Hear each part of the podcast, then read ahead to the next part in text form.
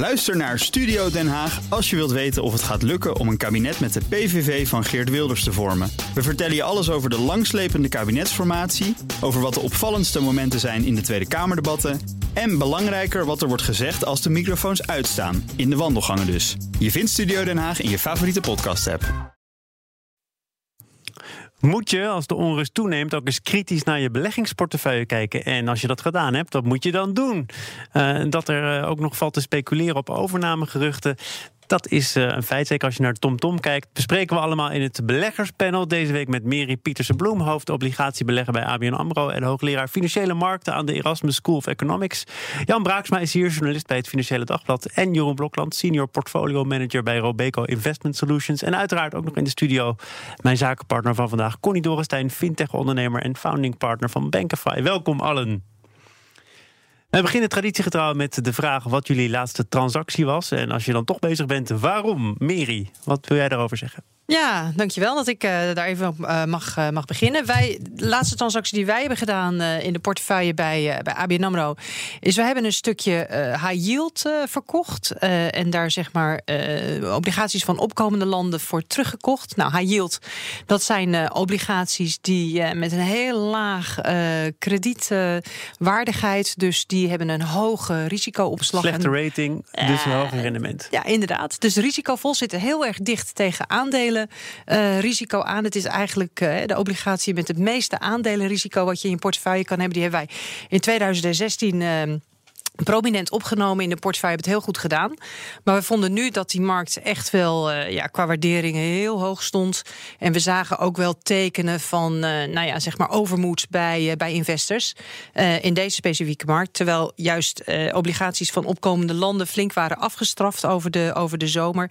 En daar zagen we wel een, een kans, omdat ook onze vooruitzichten voor die opkomende landen wat beter waren. Dus dat is onze laatste transactie ja. geweest. Ja, dat laatste is natuurlijk interessant, hè, want die opkomende markten zijn ook in dit panel al wel vaker ter sprake gekomen. Zijn inderdaad flink afgestraft. Uh, toen is ook gezegd, dit is een kans. Ja. Maar je moet natuurlijk nog altijd wel de timing in de gaten houden. Ja.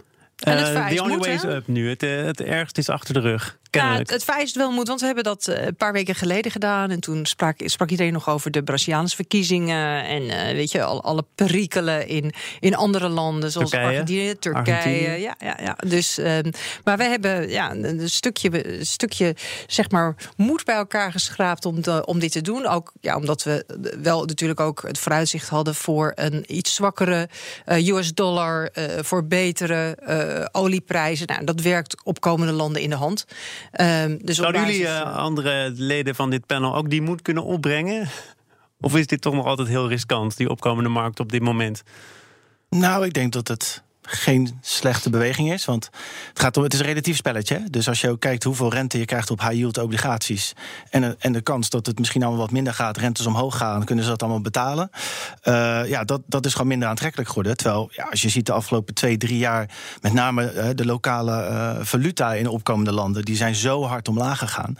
Dus in het relatieve spel zou ik zeggen, klopt het helemaal. Alleen wij zijn wat negatief over high-yield. Maar neutraal nog op uh, um, staatsobligaties uit opkomende landen. Ja. Jan? Ja, ik uh, ga naar Argentinië op vakantie, dus ik zou zeggen dat er only way is up daar. ja. Uh, Jeroen, ook aan jou die vraag. Laatste ja. transactie en waarom? Ja, onze laatste transactie in de multi-asset portefeuille, zoals ik zo netjes moet zeggen, dat, uh, dat is een, uh, een kleine uh, ophoging van het gewicht aan aandelen. En de reden daarvoor is dat we uh, wel de problemen zien. Handelsoorlog, uh, minder groei in het vooruitzicht. Hè. We zagen vandaag ook in de eurozone, het viel een beetje tegen.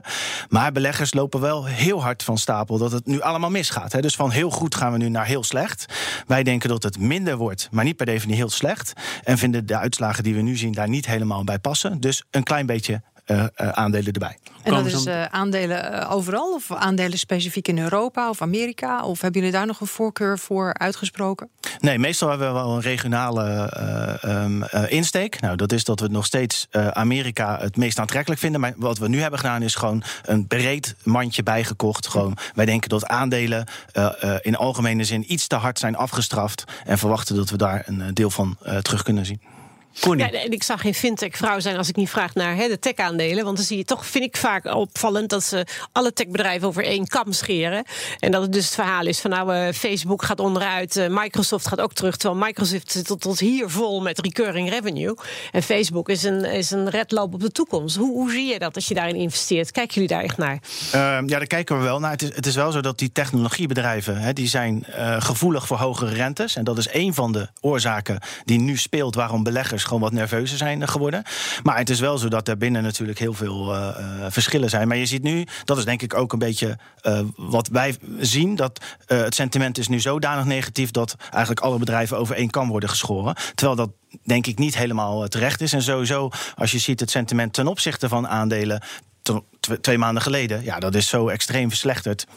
Lijkt ons niet helemaal We realistisch. komen nog te spreken over die toenemende onzekerheid en hoe je daarop moet reageren. Maar eerst naar een eh, trotse werknemer van de FD Media Groep, Jan. En dat betekent ook dat jij niet echt mag beleggen, maar wel een trackers, toch? Ja, dat wel. En eh, veilig op zo'n spaarrekening hè, voor 0, niks. Ja, Dus dat hoe kom je eh, dan elke- nog een keertje fatsoenlijk in Argentinië terecht? Ja, nee, een land met hyperinflatie gaat toch? Dat is volgens Ja. mij het geheim. maar dus jij hebt niks gedaan. Dat is voor, Nee, heel saai. Eh, je kan het elke keer vragen, maar het, elke keer komt hetzelfde antwoord, Ja, ik. we moeten voor de mensen die vorige keer jouw eh, debuut in dit panel hebben gemist, toch nog even uitleggen hoe dat dan Dat zit. is waar, ja. Nee, geen spannende dingen als FD-verslaggevers. En de spannende dingen zijn er wel te zien op de beurs. Het sentiment is veranderd. Die toenemende onzekerheid, net al benoemd. Dat was altijd een teken om in staatsobligaties te vluchten. Dat was dan veilig. Is die beweging er nu ook? Nou, die beweging hebben we wel in Amerika gezien. eh, want daar zijn de rentes eh, boven de 3% uitge, uitgestoken. En daar hebben we wel gezien dat mensen een deel van hun aandelen hebben ingeruild voor, eh, voor obligaties.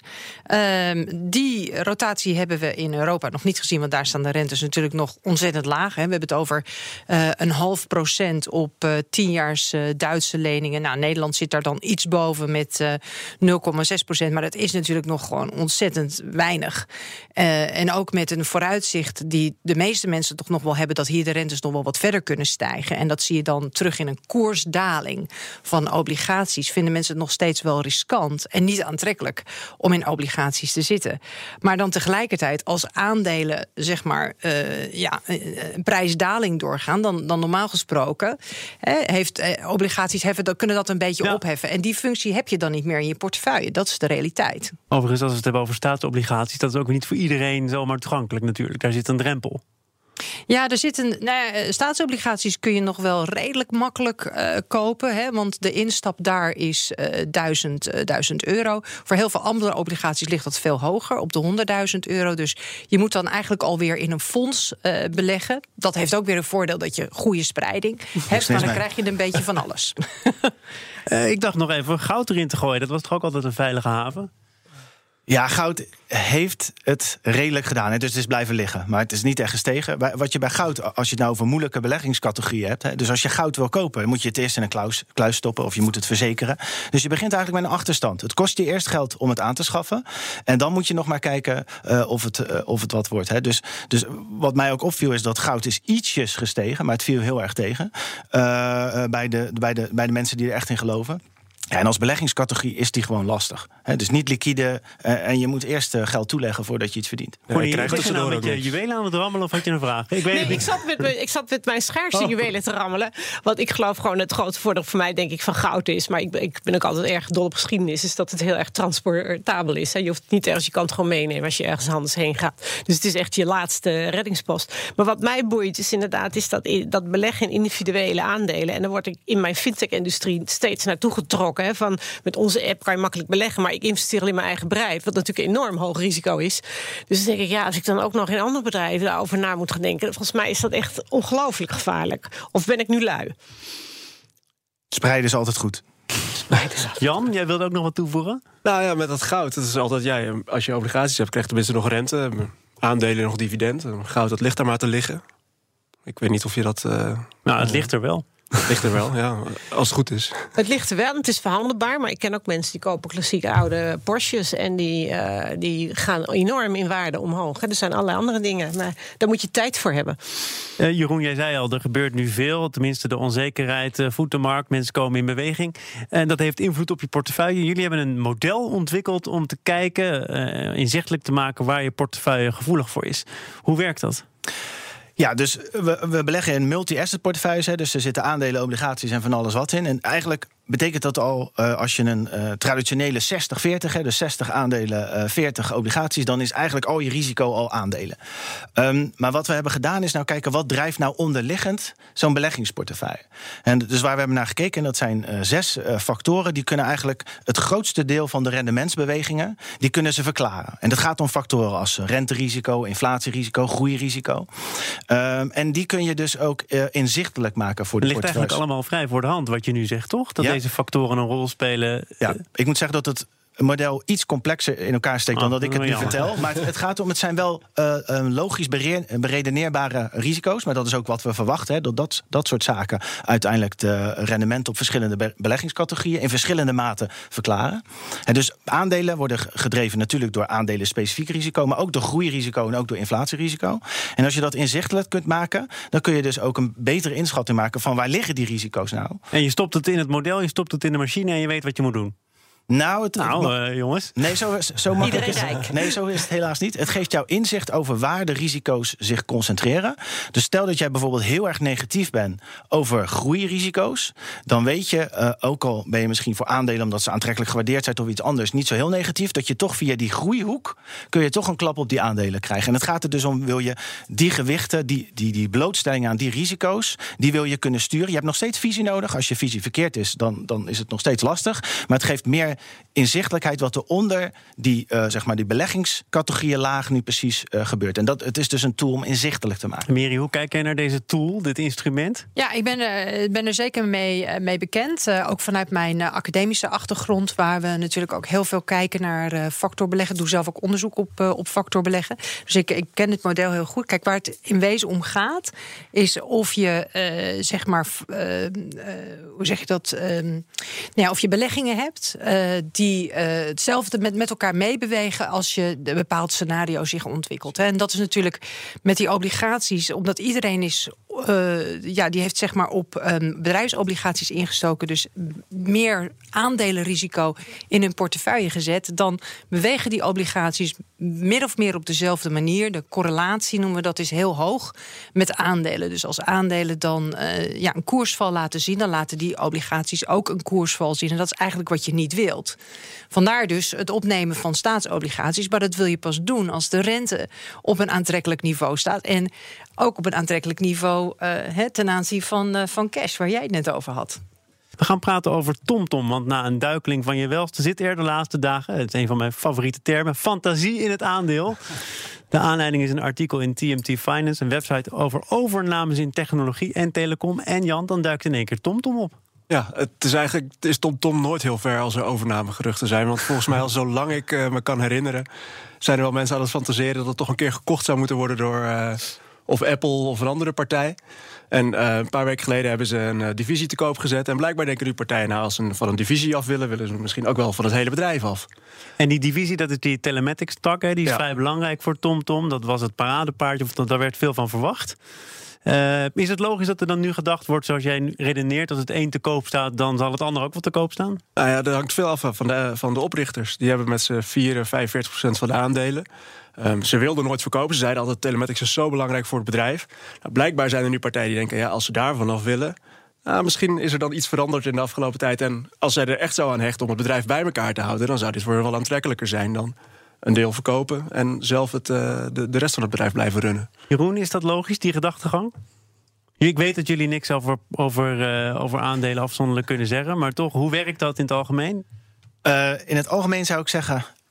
Goed, Ten- die laatste toevoeging in het algemeen. Ja, ja tenzij, tenzij je insider information hebt, en die heb je meestal niet, eh, kun je volgens mij niet meer weten dan een ander. Hè. Dus je kunt op basis van wat ik net hier hoorde over eigenaren of hoe de industrie zich beweegt, kun je natuurlijk inschattingen maken of er een overname voor de hand ligt. Maar dat kunnen alle andere beleggers ook. Eh, dus het lijkt mij heel moeilijk om daar een strategie op te bouwen, eh, tenzij je iets meer weet dan de rest. Ja, Mary knikt wel, zegt nog weinig, maar heb je wat toe te voegen? Nee, het, is, het zijn natuurlijk interessante verhalen hè, als dat uh, zeg maar in de markt uh, speelt. En het is heel aantrekkelijk op de korte termijn om proberen dat ritje mee omhoog te maken. Maar ik zou ook zeggen, weet je, op uh, beleggen op basis van beruchten is, is niet heel verstandig. En het is ook niet heel verstandig om met de markt mee te rennen op basis van dit soort verhalen. Want wat je moet bedenken is dat zo'n fusie kan dan uiteindelijk weer niet doorgaan. Of het kan anders uitpakken. Um, en dat is, ja, dat is dus eigenlijk een, een, risico wat je daar neemt. Ja, ik moest denken aan iemand die hier niet zo gek lang geleden te gast was, namelijk de Nederlandse baas van NXP, Guido Dierks was dat. Die beklaagde zich hier ook in deze uitzending over het feit dat hij sinds de overname, de geruchten die speelden, het liep ook anders dan gedacht, met ja. een heel ander type aandeelhouders zit, namelijk de lange termijn aandeelhouders die verkochten. Ja. En daar kreeg hij event-driven aandeelhouders. Ja, maar dat, is, dat, dat is volgens mij inherent aan beursgenoteerd zijn. En als je in zo'n situatie komt, zijn er allemaal hedgefonds in Londen die uh, uh, denken dit ritje te pakken. Die denken iets slimmer te zijn dan uh, jij en ik. Mm. En die maken zo'n ritje. Dat hebben we gezien met PostNL. Toen hingen ze ook bij ons aan de telefoon om te vragen wat wij er nou van vonden. Um, wat hebben we nog meer? AXO vorig jaar zaten ze ook allemaal in. Dus ja, volgens mij hoort dat erbij als je beursgenoteerd bent. Dat je Nee, uh, zeker in zo'n situatie. En die, die hedgefonds hebben trouwens bij, in het geval van NXP behoorlijk veel pijn geleden, volgens mij. Ja, die Dus- zit op de blaren. Dat, dat zei hij er ook wel bij. En dat laat onverlet dat hij er toch liever vanaf wil. En dat hij nu in gesprek is met zijn oude aandeelhouders, die institutionele beleggers. Uh, maar die, zei hij, die komen ook niet zomaar weer terug. Nee, en ik denk dat dat onderscheid tussen de korte en de lange termijn echt heel essentieel is. Ook vanuit de beleggingsperspectief. Hè. Je kan dus korte termijn proberen zo'n ritje mee te maken. Maar goed, wat weet jij meer dan, uh, dan een ander inderdaad. Maar op de lange termijn zou je toch eigenlijk willen beleggen in bedrijven die uh, ja, in winststrategieën belooft, gelooft. En uh, als een ander daar ook in gelooft en het dan interessant is voor zo'n bedrijf om zo'n ander bedrijf weer over te nemen, dan pakt dat inderdaad goed uit. Maar jij moet gewoon eigenlijk geloven in het businessmodel van een, van een bedrijf. Maar mag toch ook wel de krant lezen, zeker als het het FD is. En als daarin Oh, bijvoorbeeld zeker. staat van... uh, god, er, ga- er gaat iets met dit bedrijf gebeuren... dat gaat de koers positief beïnvloeden. Ja, dat lijkt me logisch dat je daar dan toch naar kijkt. Ja, iedereen leest de krant en natuurlijk mag dat. Maar dan moet je nog wel even bedenken van... weet je, waar wil je inderdaad uh, zeg maar je geld op inzetten? En aandelen is toch meer, denk ik, een lange termijn belegging... voor je, voor je portefeuille dan dit soort hele speculatieve dingen. Ja, ik heb heel even wat hulp gevraagd uh, bij Robeco. En het blijkt inderdaad dat als je naar de holding period kijkt van uh, beleggers, hè, die is tussen de afgelopen 60 jaar is die omlaag gekomen. Van 10 jaar naar ongeveer Ja, 1 jaar. enorm. Ja. Dat is Maar- hoe lang je je aandeel in bezit Ja, hebt. hoe lang je aandeel in bezit hebt. Maar in de jaren 20 van de vorige eeuw was het ook één jaar. Uh, dus uh, op basis daarvan, je ziet ook geen relatie met uh, beurskoersen. Per definitie. Dus je kunt niet zo zeggen. Uh, en, en het tweede, uh, wat ik misschien nog bij wil zeggen, is dat uh, over meer handelen of uh, korter houden. Dat is natuurlijk een hele opkomst van passief beleggen. Dat zijn beleggers die per definitie niet op zoek zijn of een bedrijf de juiste waardering heeft. Terwijl die beleggers die dan waarschijnlijk meer handelen, zijn daar wel op zoek naar. Dus ook voor het efficiëntie van de markt hoeft het niet per definitie slecht te zijn. Ik uh, moet dit voor mezelf even herhalen. Passieve beleggers zijn niet op die zoek... stappen in een index, Ja, precies. ongeacht de waarde van de bedrijven die erin zitten. Die in Terwijl actieve beleggers, die zijn constant op zoek. Kijk, de mensen die dus denken dat ze kunnen voorspellen dat een bedrijf wordt overgenomen, die zijn steeds op zoek naar dat stukje informatie die dan de waarde van het bedrijf weergeeft. En dus meer handelen per definitie, zeker omdat de kosten veel lager zijn dan vroeger, uh, hoeft niet slecht te zijn. Uh, ik denk wel dat je uiteindelijk, zeker als bestuursvoorzitter, wel liever die lange termijn beleggers. Ja, ja, hij probeert nu dus ook, eh, deze man van NXP, om die langetermijn eh, investeerders, beleggers, weer aan boord te krijgen. Maar hij zegt dat dat lukt niet zomaar, want die zijn tevreden met waar ze uit zijn gestapt en waarom zouden ze er weer instappen. Ja. Je, En ik bent ze niet zomaar weer, eh, je kunt ze niet zomaar weer welkom Ik heten. denk dat je ook Nee. moet realiseren als je naar de beurs gaat, dan, dan hoort dit er ook bij. Ja, maar ik denk ook, kijk, als je op de lange termijn, en dat weten we ook uit, uh, uit onderzoek, uh, zijn fusies niet altijd succesvol. Uh, eigenlijk eerder niet dan wel. Eigenlijk eerder niet dan wel. Ja, inderdaad. Ja. Dus als je, als je dan om die reden zeg maar, in dat aandeel stapt, dan gaat het echt om de korte termijn uh, ritje. En op de lange termijn moet je gewoon echt geloven in het businessmodel van het bedrijf en wat dat specifieke bedrijf dan doet of waar het dan zeg maar in opgaat. En overigens is het wel zo dat als je het hebt over kleine overnames, waarbij uh, een bedrijf echt iets toevoegt aan zijn eigen uh, businessmodel, dat zijn wel de meer succesvolle uh, gevallen. Maar overnames van twee gelijkwaardige bedrijven gaat toch vaak heel moeizaam met cultuurverschillen, andere manier van werken, et cetera. Is op de lange termijn lang niet altijd een uh, formule voor succes. hoe kijk jij toch nog even terug naar wat Jeroen met hulp van anderen heeft uitgezocht naar die beweging van die periode, die dus afgenomen is van tien jaar naar één jaar. Maar als we nog weer verder teruggaan in de geschiedenis, is er eigenlijk niet heel veel geks aan de hand. Ja, ik kan dat wel onderschrijven. Ik zie dat ook in mijn eigen praktijk. Uh, ik zie ook wat, natuurlijk wat particuliere beleggers doen. En die zijn heel actief.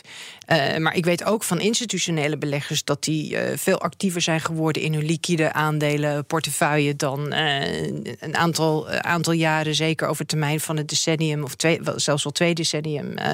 dus dat, dat kan maar ik zeker. Het is, ook mak het is ook makkelijker geworden. Ja, het gebeurt vaker.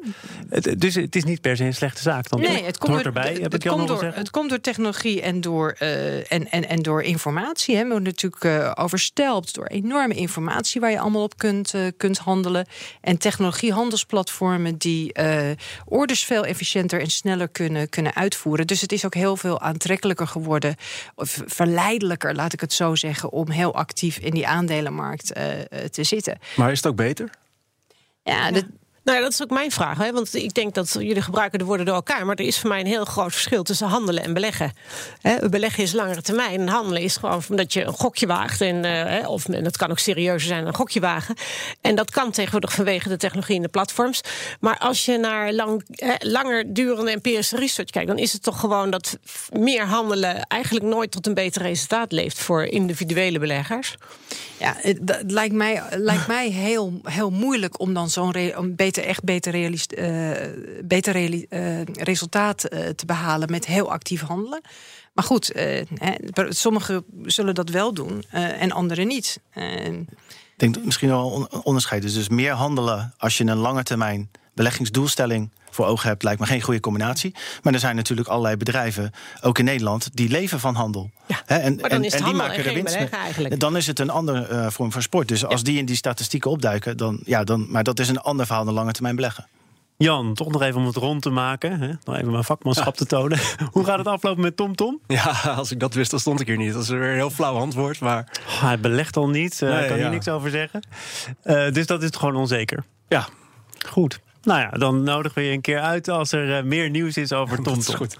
Dank voor jullie komst, zeg ik tegen het volledige uh, beleggerspanel... bestaande uit Jan Braaksma, journalist van het Financiële Dagblad... Jeroen Blokland, senior portfolio manager bij Robeco Investment Solutions... en Mary Pietersen-Bloem, hoofdobligatiebelegger bij ABN AMRO... en hoogleraar Financiële Markten aan de Erasmus School of Economics. En ook dank, speciale dank aan mijn zakenpartner van vandaag... Connie Dorrestein, fintech-ondernemer en founding partner van Bankify.